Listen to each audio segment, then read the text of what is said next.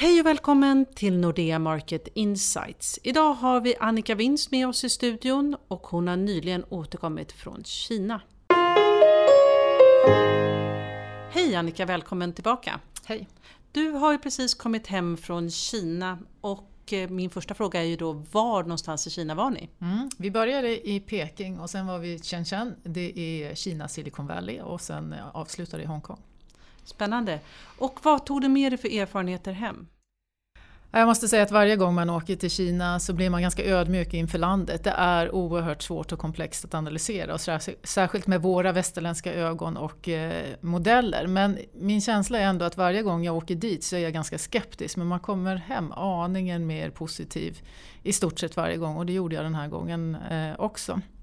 Och sen tycker jag det är väldigt viktigt att, komma ihåg att eh, Eh, Kina är världens mest kapitalistiska land, fullt av entreprenörer. Men de här entreprenörerna går ju hand i hand med staten och det gör det väldigt svårt för oss att att förstå det hela.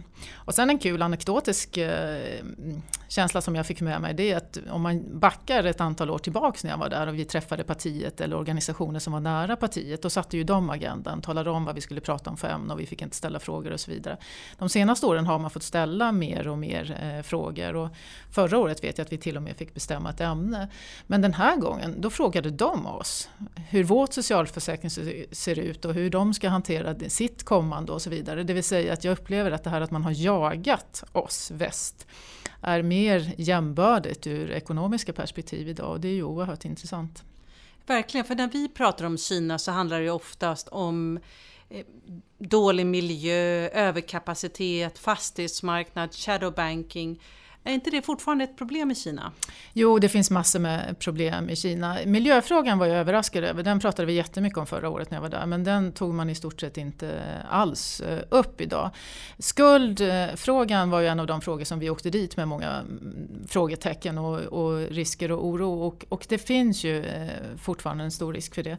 Men jag är mer orolig på lite längre sikt än vad jag är på kort sikt. Eh, det vi är oroliga för det är ju framförallt företagens skulder. Det är ju de som har ökat väldigt fort och det kan ju inte fortsätta i den här takten. Men samtidigt så är det ju så att eh, företagen är statliga i väldigt stor bemärkelse och bakom staten så finns då bankerna som också är statliga. Så man måste ju fråga sig vad finns i de här statliga bankerna och det vet vi inte. Och på sikt är ju det obehagligt.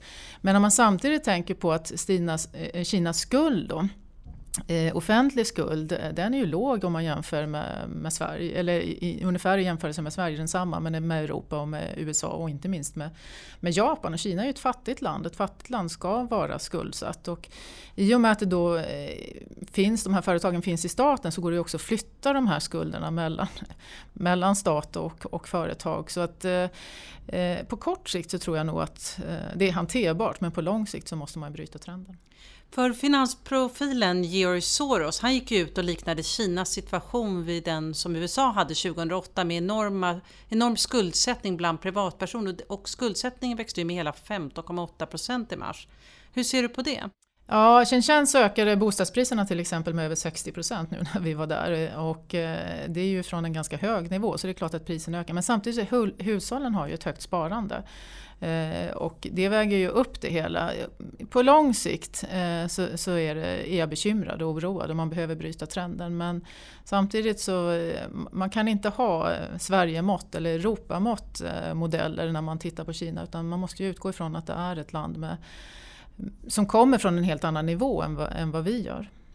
För vi funderar ju väldigt mycket på Kinas tillväxt eftersom vi är väldigt beroende av den i västvärlden. Och den har ju fallit. Hur illa är det?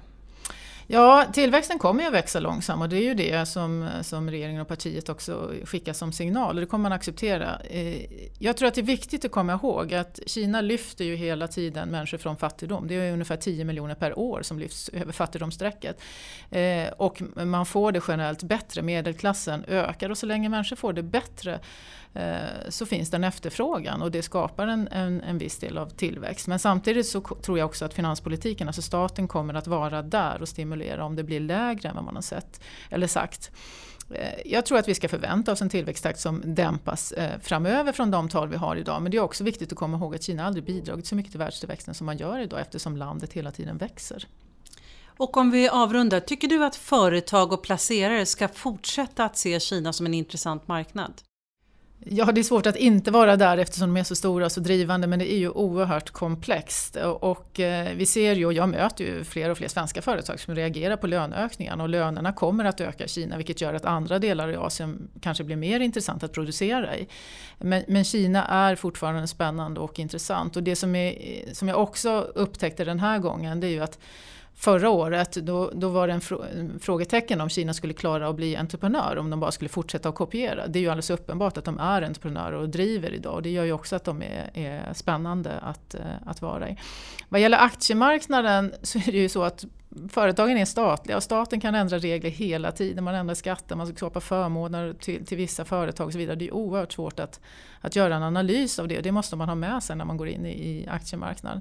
Och vad gäller obligationsmarknaden så är den oerhört ny och, och, där skulle jag vara väldigt mycket mer försiktig. Svårt att se att man ska sitta här hemma och kunna göra bra affärer med tanke på att det är så nytt att staten fullständigt styr och reglerar det där efter deras egen taktpinne. Vi hade ju till exempel en, en, stor förändring av valutan i början av det här året som, som slår hårt om man ligger fel. Så det blir intressant att följa Kina framöver? Kina kommer att vara fortsatt väldigt intressant för, för många aktörer, ja absolut. Tack Annika för att du kom idag. Tack. Tack för att ni har lyssnat. Om du vill ha fler analyser så hittar du dem på nexus.nordea.com. Du kan också prenumerera på något av våra nyhetsbrev som du hittar på nordea.se markets. Välkommen tillbaka!